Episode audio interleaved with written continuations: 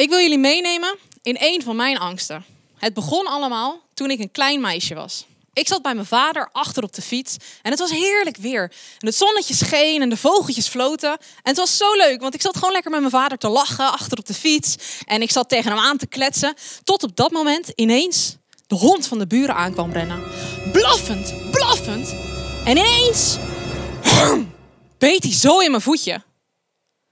Nou, gelukkig, ik als plattelandsmeisje had ik klompjes aan. Dus ik mankeerde helemaal niks. Maar vanaf dat moment was mijn angst voor honden wel gezaaid. En hoe groot een hond ook is, of hoe klein een hond ook is, elke keer als ik een hond zie, dan krijg ik daar angst van. Nou, ik weet niet welke angst jij hebt. Er zijn namelijk zoveel verschillende angsten. Er zijn duizenden angsten. En ik heb gekeken en, uh, naar een top 10 van angsten. Ik heb er een aantal voor jullie meegenomen. Een angst die mensen, veel mensen ervaren is de angst voor de dood. Alleen het woord dood beangstigt hen al. Of wat dacht je van deze angst? Als je dit meemaakt, als je de donder hoort, dat je dan meteen het liefst weg wil kruipen. En dat je het liefst dat niet wil ervaren. Of wat dacht je van deze foto? Als je hier al misselijk van wordt door er alleen naar te kijken, dan zal jij waarschijnlijk hoogtevrees hebben. En zul je nooit op een hoog flatgebouw willen gaan staan, omdat je weet dat dat heel erg spannend en eng is. Of wat dacht je van deze? Vliegangst. Er zijn veel mensen die niet een vliegtuig in durven te stappen omdat ze bang zijn dat hij zal crashen. Nou, mijn vraag aan jou is: wat denk jij dat de nummer één angst is van alle mensen? Oké, met degene met wie je nu op de bank zit, ga even overleggen. Welke angst denk jij dat er op nummer één staat? Nou, waarschijnlijk zal het je niet verbazen, maar de nummer één angst is natuurlijk angst voor spinnen. Want 50% van de vrouwen heeft last van angst voor spinnen. Nou, er zijn zoveel verschillende soorten angsten. En de een heeft die angst en de ander heeft die angst. Maar we hebben allemaal wel iets van een angst. En ik denk dat we allemaal wel kunnen beamen dat het hebben van een angst echt niet chill is. Dat het eigenlijk is als een, als een blok aan je been. Dat het je eigenlijk laat verstijven. En dat is precies wat Satan wil doen. Satan wil namelijk dat wij ons laten verstijven door onze angst. En dat we niet vooruit durven te kijken. Maar God wil dat we vrij zijn. En de angst waar we vandaag naar gaan kijken, dat is een angst die stond niet in die top 10. Maar ik ben ervan overtuigd dat eigenlijk iedereen van ons daar wel last van heeft.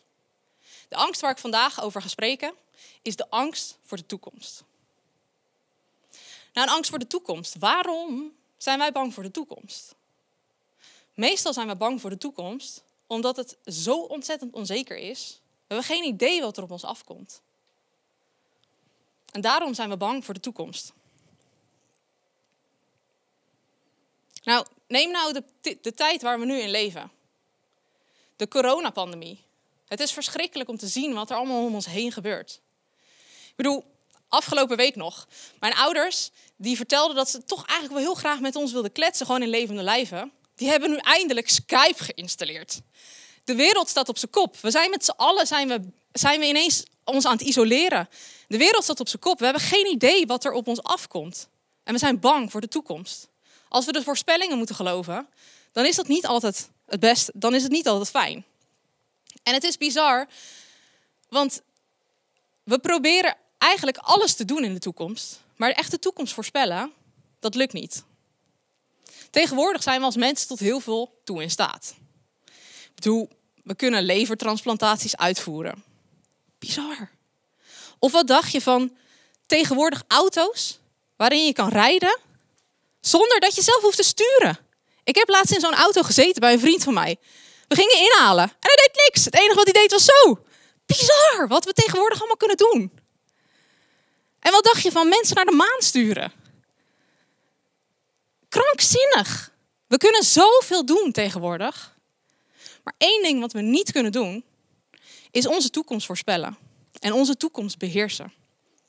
En daarom zijn veel van ons bang voor de toekomst. Nou, ik ga jullie vandaag meenemen in drie gedachten over onze angst voor de toekomst. En wat ik net al zei, Satan die wil niets liever dan die angst voor de toekomst. Dat dat ervoor zorgt dat we ons laten verstijven. En dat we niet vooruit durven te kijken. Maar God, die wil ons daarentegen echt vrijzetten. Hij wil ervoor zorgen dat wij helemaal geen last meer hebben van angst. En dat we relaxed door het leven gaan. En dat we precies dat kunnen doen waarvoor wij gemaakt zijn. Nou, in de Bijbel staat het volgende. In Psalmen. David heeft het volgende geschreven. Ik zocht de Heer en gaf antwoord. Hij heeft mij van alle angst bevrijd. Hij heeft mij van alle angst bevrijd. Er is dus geen enkele angst te groot voor God om jou van te bevrijden. En daar gaan we dus vandaag naar kijken. Hoe kan God mijn angst echt bevrijden en echt wegnemen? Mijn angst voor de toekomst. Nou, de eerste gedachte waar ik jullie in mee wil nemen is angstvrij zijn voor de toekomst, ondanks negatieve ervaringen. Nou, er zijn zoveel dingen die in de toekomst kunnen veranderen. Maar één ding verandert helaas niet. En dat zijn onze zwaktes. Dat zijn die dingen waarvan je denkt, ah, nee, niet weer. Nou doe ik dat weer. Dat wilde ik juist aanpassen. Of hele domme dingen. Waarvan andere mensen misschien zeggen, oh, haha, heb jij weer je eventjes versproken. En waarvan je zelf denkt, ja, maar zo leuk is dat eigenlijk niet. Dat zijn die struikelblokken in jouw leven waar je eigenlijk niet zo trots op bent. En misschien kom jij wel net uit een burn-out en merk jij dat je bang bent om elke nieuwe taak weer aan te nemen. Dat je bang bent dat je weer zal struikelen. Dat je daarom bang bent voor de toekomst. Of misschien heb jij net een relatie verbroken. Omdat jij iets te bij de hand was. Omdat jij dingen hebt gezegd die eigenlijk niet had moeten zeggen. Of misschien ben je de afgelopen jaren van werkgever naar werkgever gehoppeld. En vond je het gewoon lastig om je echt vast te houden aan één werkgever en om dat te geven wat nodig was. En misschien ben je daarom nu bang dat bij de volgende werkgever dat je ook weer daar maar tijdelijk zal zijn. En we doen er alles aan om die negatieve dingen, om die zwaktes, om die maar weer sterker te krijgen. We gaan onszelf op trainingen zetten, we gaan onszelf spiegelen om ervoor te zorgen dat we dat niet nog een keer zullen doen. Maar stiekem houden we nog steeds die angst. En stiekem zijn we nog steeds bang dat we weer zullen struikelen. We hebben angst voor herhaling. Nou, hoe dan ook, zullen we altijd weer op de proef worden gesteld. Want die zwaktes, die blijven gewoon zwaktes. Maar laten we kijken wat de Bijbel daarvan zegt. Hoe de Bijbel kijkt tegen, tegen die beproevingen. In 1 Corinthiërs 10, vers 13 staat het volgende. De beproevingen die u hebt ondergaan, zijn niet ongewoon. God is trouw. En Hij zal ervoor zorgen dat de beproevingen u niet te veel worden. Hij zal ook een uitweg uit de beproevingen geven, zodat u er tegen opgewassen bent. Zodat u er tegen opgewassen bent. God die wil er dus voor zorgen dat jij sterker eruit komt. Dat jij leert van die beproevingen, dat je er sterker uitkomt. God wil jou daarbij helpen. Nou, de tweede gedachte waar we naar gaan kijken is angstvrij zijn voor de toekomst ondanks lastige keuzes. Nou, ik denk dat we dat allemaal voor kunnen stellen dat lastige keuzes inderdaad iets is waarom wij bang zijn voor de toekomst. Ja, wat nou als ik dit doe? Ja, hoe pakt dat dan uit? Welke consequenties heeft dat dan voor mijn leven? En ja, wat zullen anderen daar nou van zeggen als ik dit ga doen? Toch? Is het herkenbaar voor jou? Nou, Eén zo'n megakeuze in mijn leven was de vraag: wil ik moeder worden? En ik had daar heel vaak vragen over, dat ik dacht, ja, weet je, past dat nou wel echt bij mij? Ik ben altijd zo'n bezig bijtje. En ja, zal ik dan niet juist depressief gaan worden, omdat ik ja, alleen maar dan bezig ben met mijn kind en dan ben ik alleen maar thuis aan het zitten? Ik vond dat een hele lastige keuze. En eigenlijk had ik daar ook best wel negatieve ervaringen mee bedoel, we hadden uh, afgelopen jaren hebben wij ook heel vaak op onze neefjes en nichtjes gepast, Jos en ik. En dat was altijd heel erg leuk. Maar er zijn ook momenten geweest dat ik dacht, ja, zie je wel, misschien is dat niet helemaal mijn ding. Ik weet bijvoorbeeld nog, uh, Jos en ik hadden net mijn neefje op bed gelegd. En een uur daarna zaten we op de bank, s'avonds. En ik zeg tegen Jos, hey Jos, zullen we lekker de stad in gaan? Gewoon even lekker een drankje doen in de stad. Gewoon even lekker eruit zijn. Daar heb ik echt zin in. Waarop Jos zei, Ehm, nou, Wen, dat, dat kan eigenlijk niet echt helemaal. Dus ik zo van, maar waarom niet dan? Ja, nou, wat dacht je van eh, je neefje die nog op bed ligt? Oeh, shit, oeps. Dat zijn van die momenten dat je denkt, oké, ehm, ik ben blijkbaar niet echt zorgzaam genoeg. Nou, ik weet niet hoe dat voor jou is. Waarschijnlijk heb je ook genoeg lastige keuzes gehad in je leven waarvan je denkt, ja, dat is het niet helemaal. Maar bij mij merkte ik uiteindelijk dat ik dus ehm, de vraag of ik moeder wilde worden, dat ik die eigenlijk maar op mijn hoofd zette. Tot het moment, twee jaar geleden, dat ik erachter kwam dat het eigenlijk niet zozeer mijn wens was om geen moeder te worden, maar dat het een angst van mij was om moeder te worden.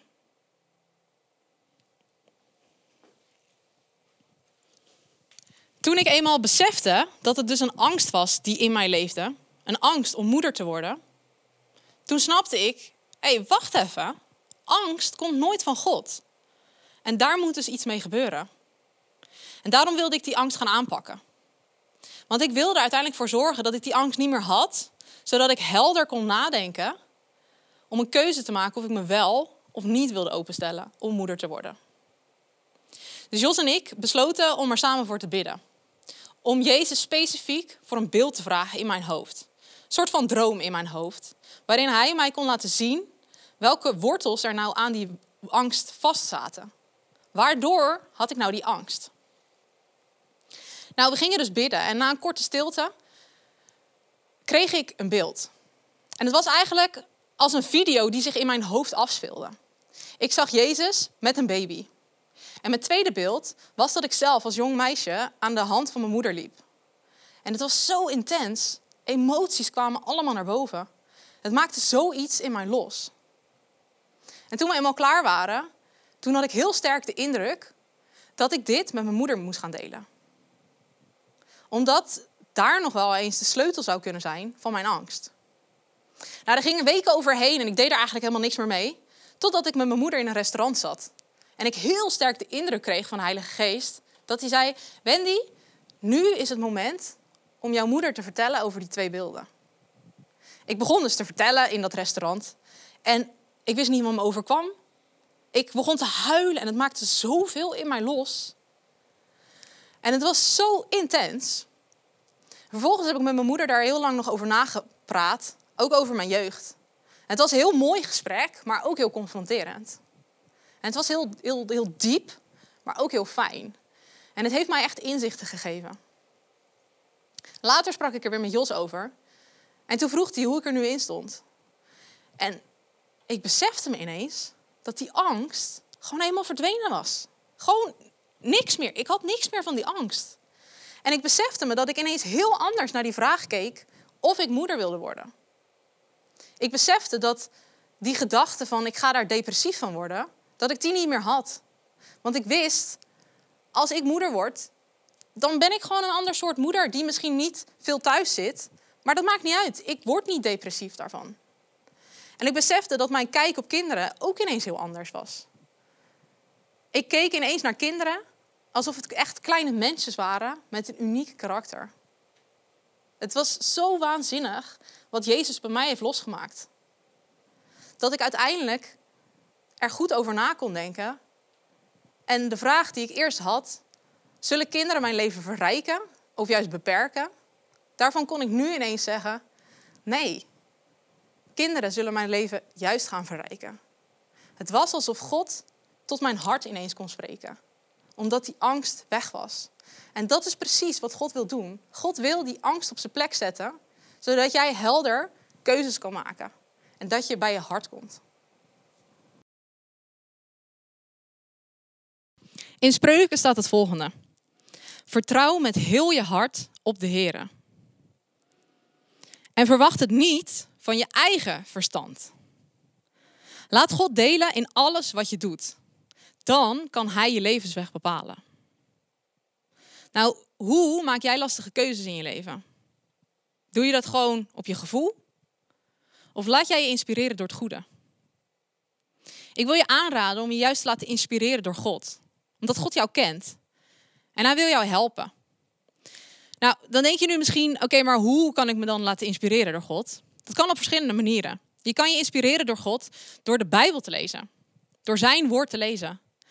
En te lezen van, hey, hoe denkt God over het leven en welke tips heeft hij voor mij?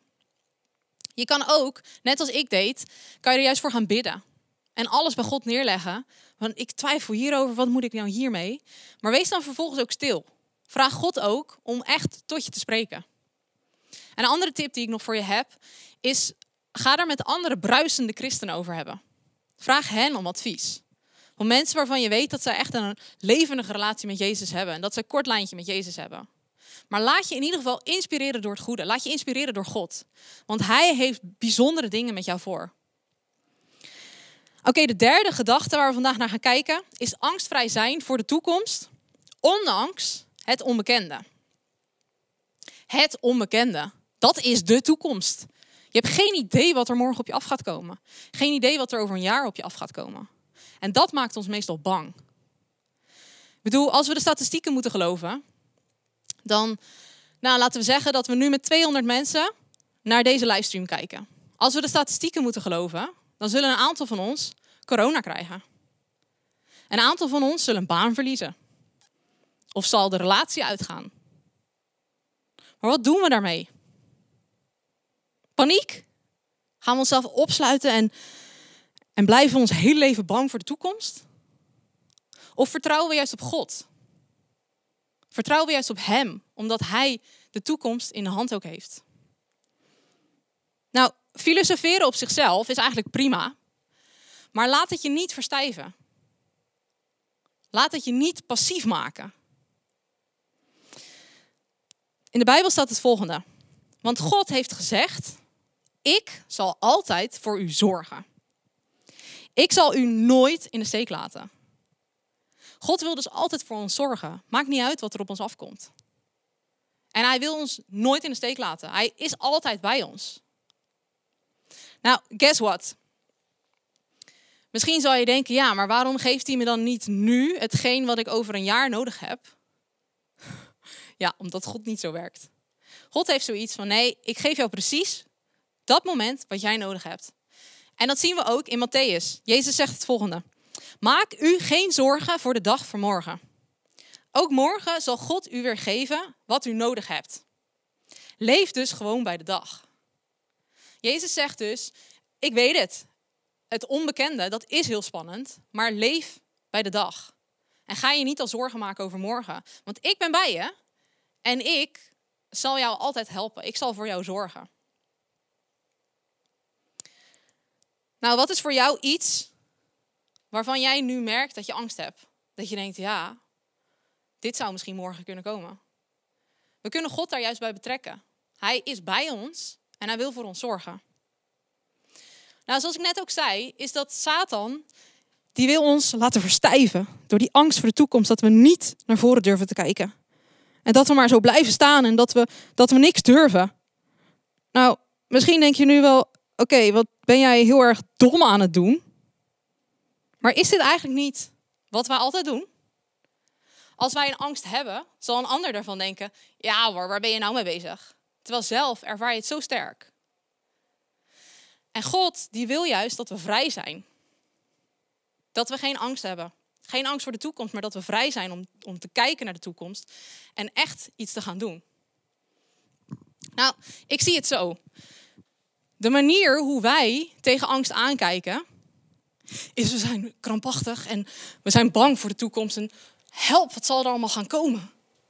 Maar God, die kijkt op angst neer. En die ziet alles wat er gaat gebeuren. En die heeft zoiets van, weet je, als je mijn perspectief nou zou begrijpen, dan zou je heel anders naar deze angst kijken. Je angst overwinnen gaat niet automatisch. En de vraag is nu natuurlijk, maar hoe kan ik dan echt mijn angst overwinnen? Ik heb drie stappen voor jullie meegebracht hoe je je angst kan overwinnen. Want hoe wij dus naar angst kijken, is we kijken naar boven. Oh, help, wat moeten we nou doen? Maar welke stap kunnen wij nou zetten om onze angst te overwinnen? Is de eerste stap, is lucht je hart bij God. Vertel hem eerlijk wat er in jou leeft. Hoe jij denkt over die angst. Hoe jij kijkt naar de toekomst. Welke zorgen er voor jou zijn. En je zal merken dat op het moment dat je dat doet, dat er iets gaat veranderen. Want God vraagt aan jou: Oké, kom eens naast mij. Ik wil jou naast mij zetten, want ik wil jou laten zien hoe ik naar deze angst kijk. Ik wil jou mijn perspectief geven. En op dat moment zal je merken dat die leugens en die angst ineens langzaam verdwijnt. Omdat je ineens kijkt vanuit Gods perspectief naar de zaak. En daarom laat je inspireren door Gods perspectief. En de derde stap is, laat het achter en ga vooruit. Want je zal merken dat op het moment dat jij met Gods perspectief naar die angst hebt gekeken, dat het langzaamaan vervaagt en dat het je niet meer beheerst. Dat je kan zeggen, oké, ik laat het nu achter me en ik ga verder. Nou, zoals ik vertelde over mijn angst om moeder te worden, een half jaar nadat ik die angst echt heb weggehaald, werden Jos en ik zwanger. En dat was voor ons was dat echt iets, ik kon het gewoon bijna niet geloven. Het was zo'n wonder. En ik was Jezus zo dankbaar voor de reis waarin hij me had meegenomen. En voor dat wonder dat we ineens hadden. En natuurlijk was het wel een pittige tijd. Maar ik wist, ik hou me vast aan die belofte dat God bij me is. Dat Hij voor mij zorgt en dat Hij mij precies geeft wat ik nodig heb. En ik wilde ook niet die angst weer terugpakken. Voor mij was het duidelijk, hij heeft die angst weggehaald en ik wil hem niet meer terug. En in het begin ging dat ook eigenlijk hartstikke goed. Ik bedoel, ik had wel een pittige zwangerschap en de bevalling was natuurlijk ook zwaar. Maar eigenlijk ging het hartstikke goed. Die angst was weg en die bleef ook weg. Totdat de eerste kraambezoeken kwamen. En iedereen helemaal verliefd was op onze dochter Debbie. En ik er lichamelijk helemaal doorheen zat. Op dat moment voelde ik die angst en die leugens van Satan weer zachtjes op de deur van mijn hart kloppen. Zie je nou wel? Zij hebben veel meer liefde voor Debbie dan jij, terwijl jij de moeder bent.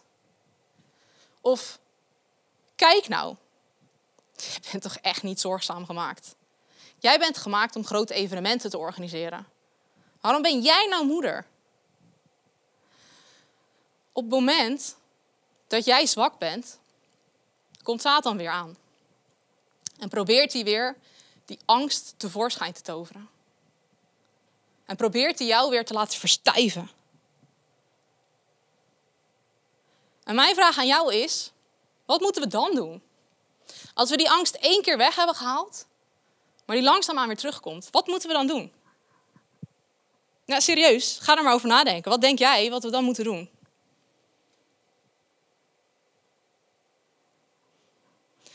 Het is eigenlijk heel simpel. We beginnen gewoon weer opnieuw. We beginnen gewoon weer precies met diezelfde drie stappen. Want het maakt helemaal niet uit of die angst nou één keer is verdreven, of tien keer, of honderd keer, of duizend keer. Die angst komt weer terug en dat hoort niet. Die angst moet weggaan. Dus wat doen we weer? We merken weer dat we heel angstig ernaar kijken en verstijfd raken. Wat moeten we dus weer doen? De eerste stap is weer Lucht je hart bij God. Vertel Hem eerlijk hoe je erover denkt. En ik weet nog bij mij dat ik me zo schaamde dat ik weer bijna in die leugens ging geloven. En dat heb ik hem verteld. En gezegd, Jezus, ik wil het niet. Het is zo stom dat ik het weer bijna doe, maar ik wil het niet. Vertel dat eerlijk aan Hem. Want Hij kent jou en Hij wil er voor jou zijn. En je zal merken op het moment dat je dat doet, dat het iets met je losmaakt. En dat God weer zegt, kom naast me staan. Ik wil jou mijn perspectief weer geven. Die leugens waar je bijna in gelooft, ik wil ze weer vervangen voor waarheden. En op dat moment besefte ik me, ja, Gods perspectief. Ik wil die twee beelden die ik toen zo sterk had ervaren, die wil ik er vastpakken. Ik wil ze weer op herbeleven. Want die waren zo sterk. En op het moment dat ik dat deed, merkte ik dat die angst weer langzaamaan verdween. En dat ik toen weer kon zeggen, de derde stap, laat het achter je en ga vooruit. Blijf niet staan waar je stond. Houd je niet vast aan die angst, maar ga vooruit. Zie het weer als positief. Ga weer vooruit.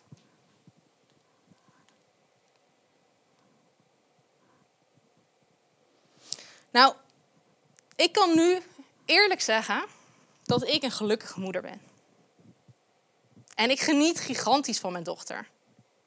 En natuurlijk zijn er nog steeds momenten dat ik het moeilijk vind. Maar ik weet dat het een goede keuze was. En elke keer als die angst weer langzaam aankomt, of als die leugens weer komen, dan wil ik me daar bewust van zijn. En wil ik weer diezelfde drie stappen zetten. Om het weer aan God te vertellen. Om zijn perspectief weer eroverheen te laten gaan. En om weer door te gaan. Om daar niet aan vast te houden. En een belangrijke is om te weten: geloof is niet geen angst voelen, maar is het juiste doen, ongeacht je gevoel. Nog een keer. Geloof is niet geen angst voelen, maar het juiste doen, ongeacht je gevoel. Dus laat jou niet vertrappen op het moment dat je die angst weer ervaart, maar doe er wat mee. Doe het juiste.